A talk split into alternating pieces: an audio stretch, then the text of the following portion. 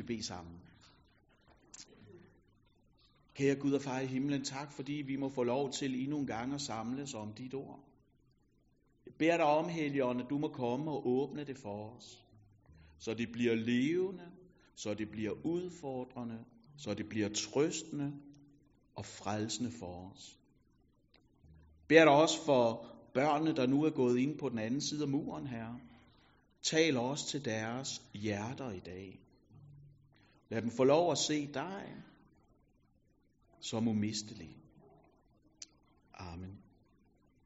Det, som er øh, prædiketeksten til i dag, finder vi om i Lukas evangeliet kapitel 22, vers 24 til 32, øh, 34 faktisk. Det er fordi 32, det er prædiketeksten sådan øh, i folkekirken. Vi er frimindende, vi har taget de to sidste vers med os, så vi ikke afbryder Peter og Jesus i deres samtale. Vi vil rejse os op i respekt for Guds ord, og så vil vi, øh, så vil vi høre, hvad der står her. De kom også i strid om, og det er disciplene, hvem af dem, der skulle regnes for den største. Da sagde han, og det er Jesus, til dem, Folkenes konger hersker over dem, og de, der udøver magt over dem, lader sig kalde velgøre. Sådan skal I ikke være. Men den ældste blandt jer skal være som den yngste, og lederen er den, der tjener. For hvem er størst? Den, der sidder til bords, eller den, der tjener? Er det ikke den, der sidder til bords? Men jeg er i blandt jer, som den, der tjener. Jeg er det, der er blevet hos mig under mine prøvelser, og ligesom min fader har overdraget mig riget, overdrager jeg det til jer. For at I skal spise og drikke ved mit bord i mit rige, og I skal sidde på troner og dømme Israels tolv stammer. Simon, Simon, Satan gjorde krav på jer for at sigte jer som hvide, men jeg bad for dig, for at din tro ikke skal svigte. Og når du engang vender om, så styrk dine brødre. Simon Peter sagde til ham, Herre, sammen med dig går jeg gerne både i fængsel og i døden. Men han svarede, jeg siger dig, Peter, han når ikke at gale i nat, før du tre gange har nægtet, at du kender mig. Det er Guds ord. Amen. Værsgo og sid ned. Se, øh, nu ved jeg ikke, hvordan I som sidder her har det med amerikansk kirkeliv, om det er noget, I følger passioneret med i, eller om det er bare sådan en lille nørdeting, jeg har for mig selv, om det er noget, vi deler eller ej. Fordi jeg er en af dem, der følger ret meget med. Jeg ved godt, i, i, i, øh, i gamle dage, hvis man skulle være en god LM'er, så skulle man følge med i kirkelivet i Norge. Nu, nu er vi rykket over øh, det lidt større vand og kigger mod USA for inspiration for det meste. Og øh, det betyder, at, at igennem årene, så har jeg fulgt med i amerikansk kirkeliv, og der er sket noget bekymrende, som jeg gerne vil øh, dele med. Der er en trend, som jeg gerne vil sætte fokus på og gerne illustrere for jer med en kort historie om en tidligere præst, han er her, hedder James McDonald, som øh, tidligere var præst i en megakirke i USA kaldet Harvest. Fordi her er en mand, han havde alt. Han havde en kæmpe kirke, hvor der kom over 10.000 mennesker i weekenderne. De havde et lovsangsteam, hvis øh, plader stadigvæk kan findes på Spotify, der bliver lyttet til dem over hele verden. Han var berømt. Han var succesfuld. Han var en, man så op til,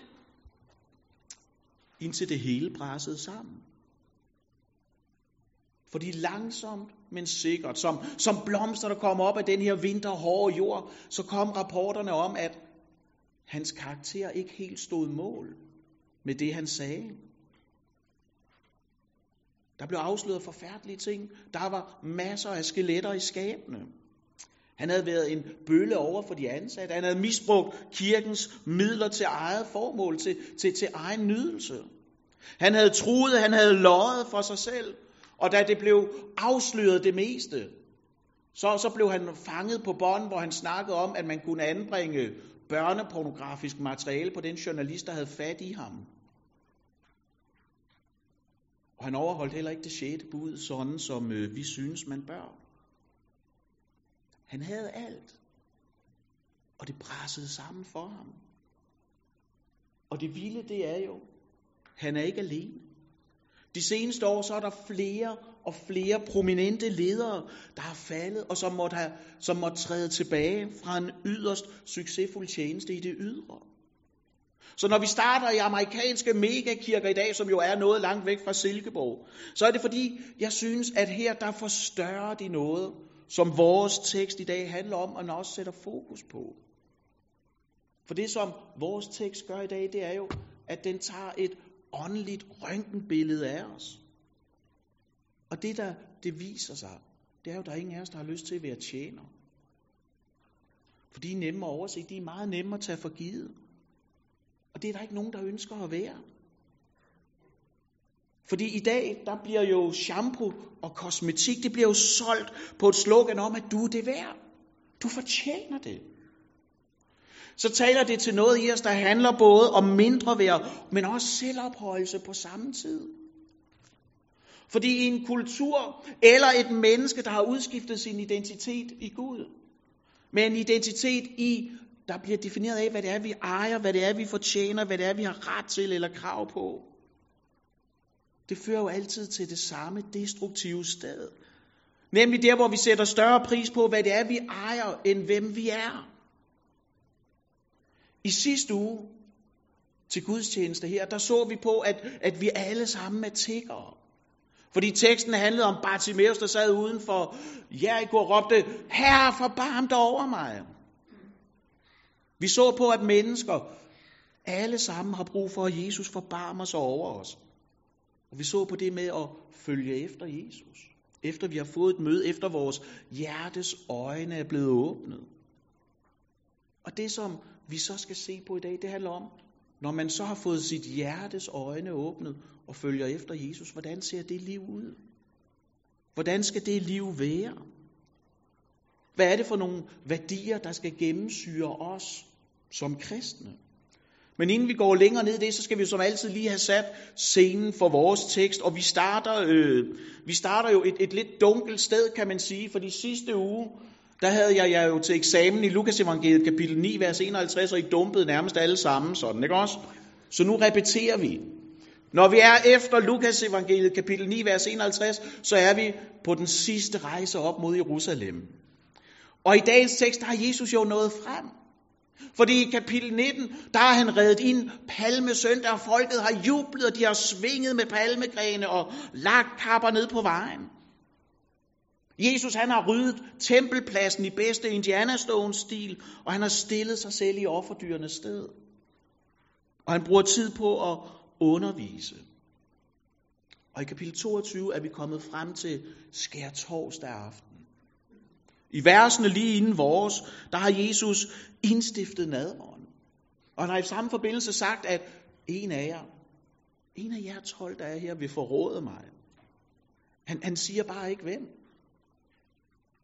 Og det udløser den strid, som vi øh, dumper ned i her i vores tekst i dag, og som vi skal øh, vende os til nu. Altså de fleste af jer tænker, kender nok det her billede af Leonardo da Vinci, som viser os hans kunstneriske bud på, hvordan har det set ud, da Jesus han indstiftede nadveren. Det er jo et uh, smukt billede, et berømt billede, og det er virkelig også et løgnagtigt billede.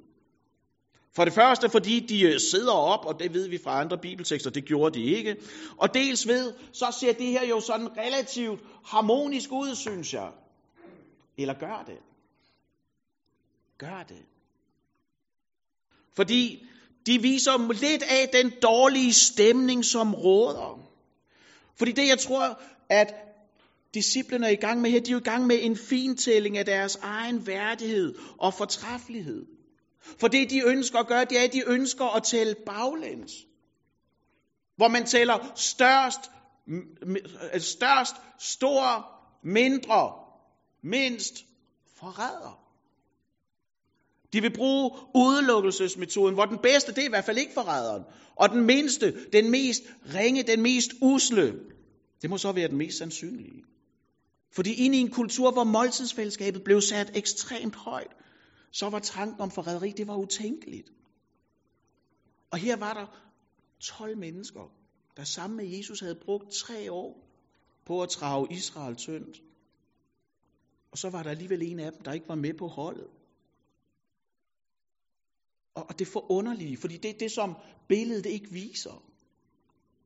Det, som billedet ikke viser, og som vi derfor meget nemt kan overse, det er jo, at nok af det her skænderi, det er jo særstof for Lukas.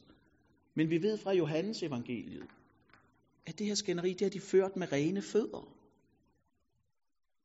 De skændes inderligt, hæftigt om, hvem der er den største, efter Jesus har vist dem fysisk, hvordan storhed i Guds rige ser ud. Men det trænger ikke ind i deres glatte hjerter, fordi de var fyldt af dem selv. Så det forunderlige, det er jo, at skær torsdag aften op på første salen i det her hus, der var Jesus tæt på korset. Og hans disciple, de var langt fra ham i ånden, selvom de sad i det samme rum. Så tæt på, så langt væk. Og virkeligheden er vel, at, at det var ikke bare noget, der skete den aften. Man har vel altid i den kristne menighed skæmtes om, hvem er den største? Hvem er den vigtigste? Hvem er på A-holdet? Sådan at man står øverst og er størst, både i egne, men i virkeligheden også i andres øjne måske. Og hvis man er optaget af det, hvis man er optaget af at, at, at skabe et navn for sig selv, prøve at gøre sig selv uundværlig, så kan man i den grad komme til at spærre for Jesus. Disciplene, de har lige spist den første nadver, de har lige modtaget Jesus selv. Nådepagten er blevet indstiftet til det største af alt, nemlig syndernes forladelse. Og de var kun optaget af dem selv. De var kun fokuseret på deres egen position. For at sikre sig, at de i hvert fald ikke var nederst. Der må altid være nogen, der er mindre værd end mig. En, der er ringere. Og virkeligheden er jo, at Satan elsker at puste til de gløder, der ulmer under sådan nogle stridigheder. Han elsker det. For kan han ødelægge enheden imellem Guds folk, så er han nået enormt langt. Så har han ødelagt rigtig meget. Så på en aften, der jo starter med, at, at Jesus han vasker Judas' fødder, fordi ingen er betydningsløse for ham. Så ender det med, at Jesus han forudsiger et forræderi, og Peter, og at Peter han vil, han vil falde, han vil svigte. De overså Guds gave, de overså Guds velsignelser. De så ikke, at Jesus var den ultimative Moses, der skulle stå for det ultimative Exodus. Og at den her nat, derfor ville være totalt anderledes end alle andre nætter i verdenshistorien for deres hjerters øjne var lukket. De var åndeligt blinde, de havde kun syn for dem selv. Og sådan må det jo ikke gå os. Og måden vi, vi gør det på, måden vi undgår at havne i den grøft, det er jo ved at få vores hjerters øjne åbnet. Og så er det ved at have det samme sind over for hinanden, som var i Kristus Jesus. Paulus han har den her fantastiske hymne i Filipperbrevet. Og det han siger, det er, vær som Kristus. Lev som ham. Ha' det samme sind. Hvad er det, der skal gennemsyre den kristne menighed? Hvad er det, der skal gennemsyre kristne mennesker? I Jerusalem år 33, i Silkeborg 1. marts 2020, det er ønsket om at give afkald og tjene. At vi har det samme sind over for hinanden, som var i Kristus Jesus, modelleret efter ham. Og det betyder, at vi skal i gang med at skabe en modkultur. Vi er i gang. Vi skal blive ved med at være i gang. Med at skabe en modkultur i vores kristne fællesskab til den verden, som omgiver os. Og som vi lever i. For her handler det om, at du er din egen lykkesmed, at du skal til tops, og så må alle andre bare vige. Så sent som i går så jeg et tweet, fordi jeg er på det der sociale medie Twitter, hvor der var en, der skrev en romantisk historie om, at øh, nu havde hun lige set en mand fride til sin kæreste, og det var så smukt, og det var så glædeligt, efter han for et år siden var brudt ud af et kærlighedsløst forhold for at jagte hende her i stedet for. ind i en verden, hvor man sætter personlig nydelse og selvrealisering højest, der vil det her, som, som vi taler om i dag med ikke afkald, det vil være et fremmed element. Det vil ikke give nogen mening. Det vil være fuldstændig modkulturelt. Og måske er det en af de måder, hvorpå vi skal være et vidnesbyrd ind i vores tid. At vi sætter andre højere, at vi tjener andre. I vores bogklub, som vi har haft her hen over øh, de første par måneder af året, der har vi lige læst den her bog sammen, der hedder Magtesløs Styrke. En fantastisk lille bog.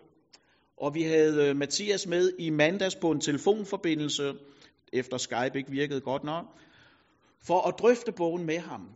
En af hans hovedpointer i den her bog, det er jo, at vi skal være selvudtømmende over for hinanden. At vi skal give os hen for hinanden. Vi skal ikke stå på vores ret, men vi skal give afkald, fordi det tjener næsten, og det tjener Gud. Og nu kommer der noget ret vigtigt. Jeg ved godt herinde, at vi kan ikke være alt for alle. Vi kan ikke være alt for alle. Det er der kun en, der kan, det er den navlemærkede. Men vi kan alle sammen være noget for nogen. Og spørgsmålet er så, hvem er det for dig? Hvem er det, du skal få øje på i vores menighed og tjene? Som måske ikke bare kun er i din inderste snævre cirkel her i menigheden. Hvem er det, du skal få øjnene op for? Fordi prøv at forestille jer. Prøv, prøv, prøv, prøv at mærke efter, hvordan det ville være at leve i et fællesskab, hvor vi alle sammen lever det her ud efter evne. Når man, når man taler om menigheder, og det gør jeg jo også selv, så taler man tit om det i, i, i fællesskabstermer og foreningstermer. Og, og det forstår jeg godt, jeg gør det jo selv. Men det er også en smule fattigt og en smule uambitiøst i min optik. For det, der er min drøm for vores menighed her, det er jo, at vi ikke bare er et åndeligt fællesskab, men at vi sammen bygger, skaber og opretholder et åndeligt hjem. Og hvad er det, der, der kendetegner de hjem, hvor der bor mere end en person i husstanden? Det er, at alle hjælper til. At alle er engageret i hinanden. Hvor vi ikke har nedskrevet kravet om kærlighed til lyst. Men vi lever Guds erfaret kærlighed ud i en hjælp til andre. Så hvem er det, du skal se? Hvem er det, du skal få øje på?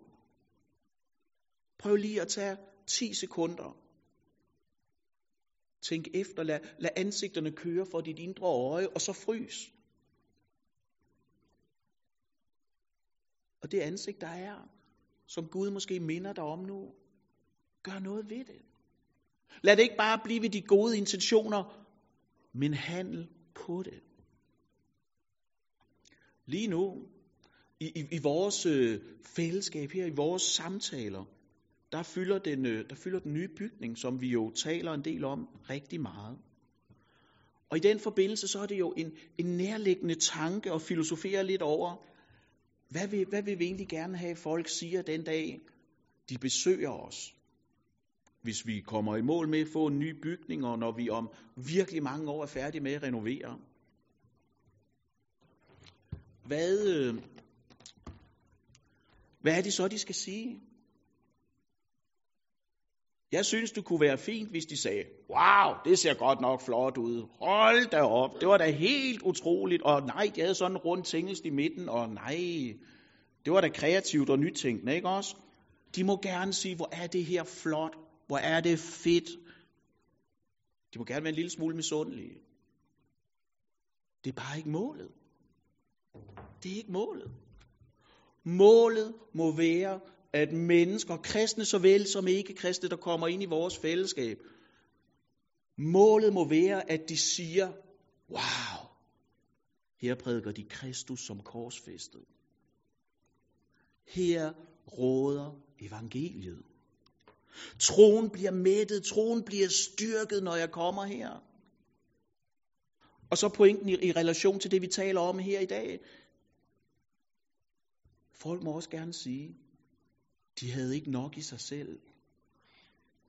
Vi oplevede ikke, at vi blev set som nogen, der kom og forstyrrede dem i deres hygge. Jeg har en drøm om, at vores fællesskab er et åbent fællesskab, hvor folk gerne vil komme igen og igen og igen og være med. Og opleve, at det er muligt at komme på indersiden af fællesskabet.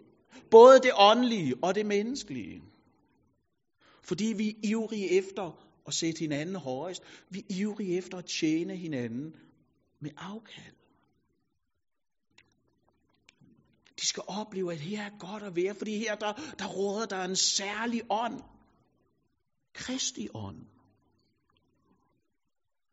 Og de udmyndter sig i, at vi selvhengivet tjener hinanden, også når det fordrer eller kræver afkald. Og også når det kræver afkald mere end bare 10 minutter, men måske dage, uge, måneder. Og det kan jo godt være, at mennesker, som ikke kender Kristus, som kommer ind i, i, i en ny bygning, eller her. Det kan jo godt være, at de ikke kommer til at kende Jesus den dag, de træder ind ad døren første gang i vores fællesskab. Det kan godt være, at de ikke ser Jesus som verdens lys første dag, de er her, men de skal mærke varmen fra det. De skal mærke varmen fra Kristi lys, eller rettere sagt fra ham, fra Kristus selv, gennem os. For der, hvor vi alene fokuserer på vores rettigheder, så bliver vi jo kritiske forbrugere i forhold til Guds menighed, det tror jeg ikke er tanken. Fordi hvis jeg er en kritisk forbruger i min menighed, så bliver alle andre mennesker reduceret til midler for min egen lykke og lyst, og det er jo ikke det, Jesus viser os her. Vi må jo ikke ende der, hvor det kommer helt over, og det handler mere for os om at få ret frem for at have ret. Disciplene var på det her tidspunkt selvoptaget, selvom det personificerede afkald stod lige over for dem, og kort forinden havde vasket deres fødder. Og, sådan må det ikke gå for os. Det må ikke være os, der står i deres sted. Og så kan man godt tænke, ja, men helt alt, det sker jo heller ikke. Vi er LM'er, og nogle af os i hvert fald, ikke også? Det sker ikke for mig. Og vores tekst fortsætter jo så med at sætte fokus på Peter, som tænkte nøjagtigt det samme. Var der noget, Peter var fuld af den her aften i samtale med Jesus, så var det i hvert fald, det sker ikke for mig. Godt være, at du har ret i det meste, Jesus, men lige her, der tager du fejl. For var der noget, Peter aldrig gik... For var der noget, Peter aldrig gik ned på, så var det jo selvtillid og selvsikkerhed. Man kunne også kalde det hovmod. For det svar, som Peter giver Jesus, det kunne han jo ikke engang mindre end 12 timer senere bakke op med sit eget liv. Så det sidste døgn inden korsfæstelsen af Jesus, det bliver et frygteligt døgn for Peter. Først siger Jesus, du, du, kommer, du, du, du kommer til at svigte mig. Peter siger nej. Så går de ud i haven. Jesus siger, våg med mig, og Peter siger, så, så sniger han sig med ind i, øh, så hugger han lige øret af Malkus, ja, og så sætter Jesus det på igen, ikke? Han går ind i præstens gård. Gik du ikke sammen med ham? Nej! Det gjorde jeg ikke. Det var et frygteligt døgn for Peter. Fordi hans hjertes øjne var endnu ikke helt åbnet. Og det er på trods af, at Peter jo tidligere har bekendt Jesus som Kristus. Og alligevel endte han med at tro for meget på sig selv og for lidt på Jesus. Han tog jo ikke Jesu ord alvorligt, fordi han overvurderede sin egen styrke. Han satsede for meget på sin egen hengivenhed.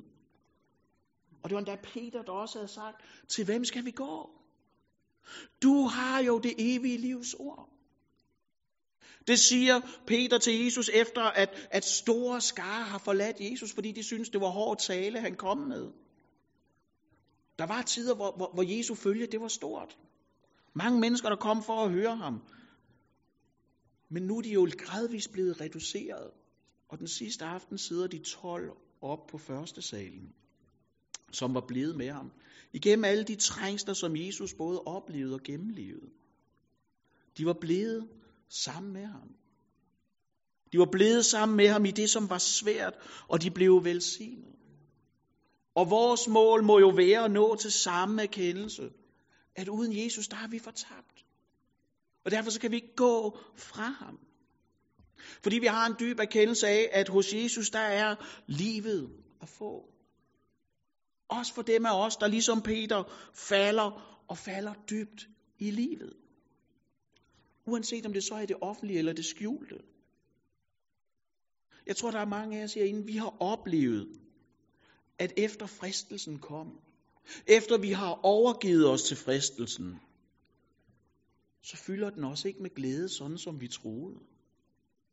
I stedet for så er det oftest en, en tomhed, der kommer rullende ind over os, og det indhylder os i mismod og selvfart. Martin Luther han spurgte jo for mange år siden, hvor finder jeg noget i Gud? I dag så oplever jeg primært, at folk siger, hvor langt ind i fristelsen kan jeg gå og forblive frelst? For man vil ikke undvære noget, man vil ikke gå nysgerrig i graven, og alt for sent, så finder man ud af, at de her fristelser, de rummer ikke det, og de kan ikke give mig det, som jeg dybest set længes efter. Det eneste, de giver os, det er skam og skyld og synd. Og derfor vil jeg også gerne i dag sige det så stærkt, som jeg overhovedet formår. Jesus er syndres ven. Han er også din ven. Der var virkelig meget, der glippede i Peters liv. Han blev bange, og når han fornægter Jesus ypperste præstens gård, så er det vel grundlæggende, fordi han tænker, Jesus vil ikke kunne give ham det tabte tilbage. Peter, han glemte, eller han vidste ikke på det her tidspunkt, at med evangeliet kan vi overleve alt. At når frygten banker på døren, så kan vi bede troen om at åbne. Velvidende, at troen gør os jo ikke til sejr herover alt i vores liv. Og derfor er det, at Jesus beder for os. Og vi ved jo, når vi, når vi læser Bibelen færdig, Jesu bøn blev hørt. Troen svigtede ikke, og Peter styrkede sine brødre. Vi har den bedste forbeder af alle. Vi har Guds egen navlemærket søn. Jesus han beder om, at troen ikke må gå under, for uden den så er Peter og alle vi andre, vi er uden for Guds nåde, og dermed er vi fortabte. Og ja, Peter han faldt, og han græd bitterligt. Det var hans hulkende råb om, Herre forbarm dig over mig. Og han blev hørt. Så ja, Peter han faldt, men han faldt ikke ud af nåden. Men han faldt i nåden, fordi Jesu bøn blev hørt. Og det er jeg simpelthen blevet så glad for i min forberedelse til i dag.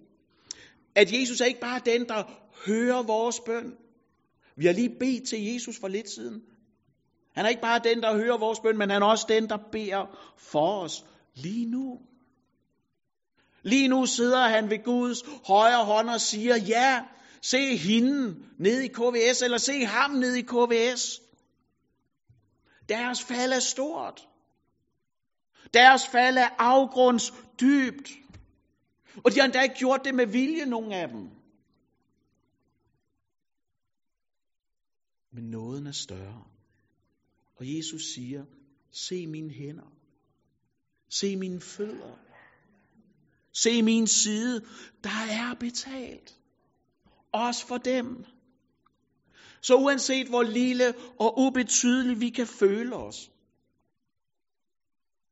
den der frygt med, hvis jeg tjener ved Jesus, så overse mig, den holder ikke. Jesus ser dig, og han beder for dig, fordi han elsker dig. Og fordi han vil have dig med i evigheden hos ham, på trods af satans kamp for det modsatte.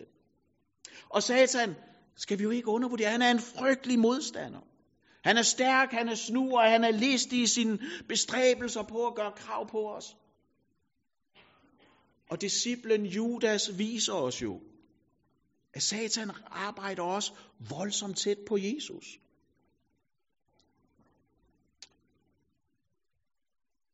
Og vi kan være sårbare over for den brølende løve, der leder efter at bytte og sluge. Og derfor er det så altafgørende, at vi, der sidder her, vi bare er tæt på Jesus. Det er ikke nok at være tæt på Jesus, men vi skal være i ham. For er du i Kristus, så kan det godt være, at du falder. Du falder ikke ud af nåden. Du falder i den.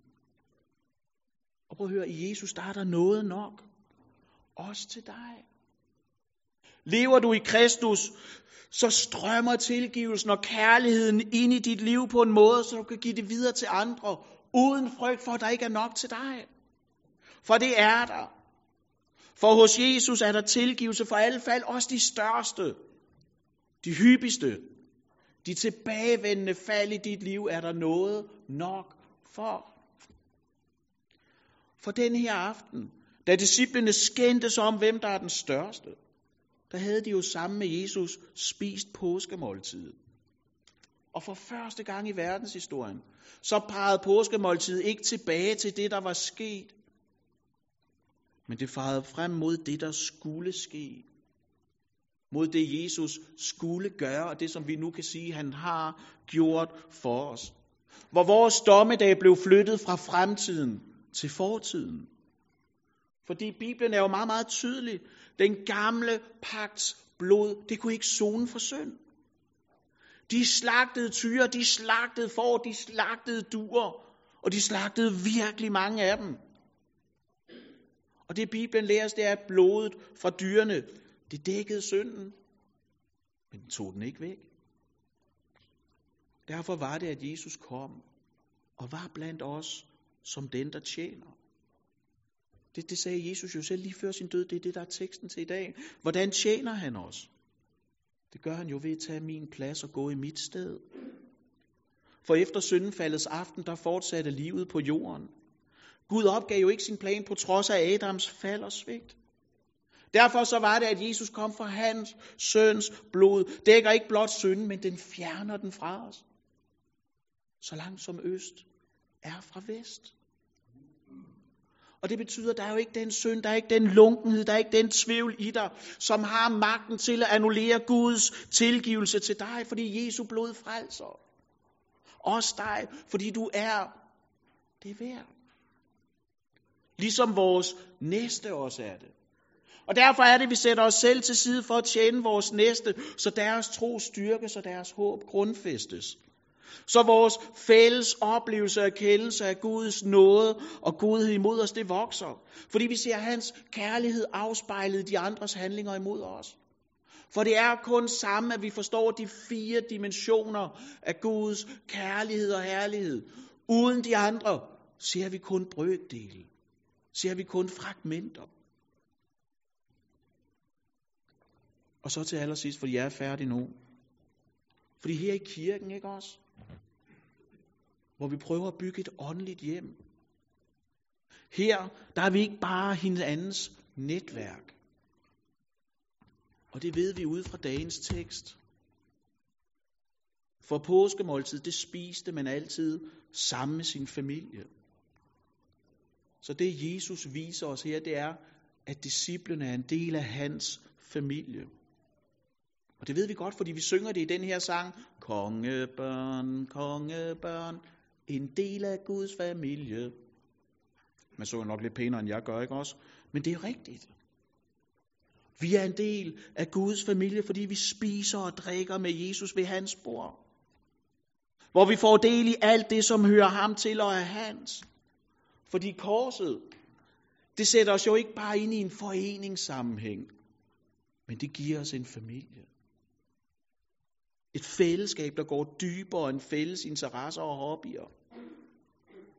Så til dig, som synes, at kristenlivet ikke altid er nemt, og det, vi er nogle stykker, der er der, du er aldrig alene.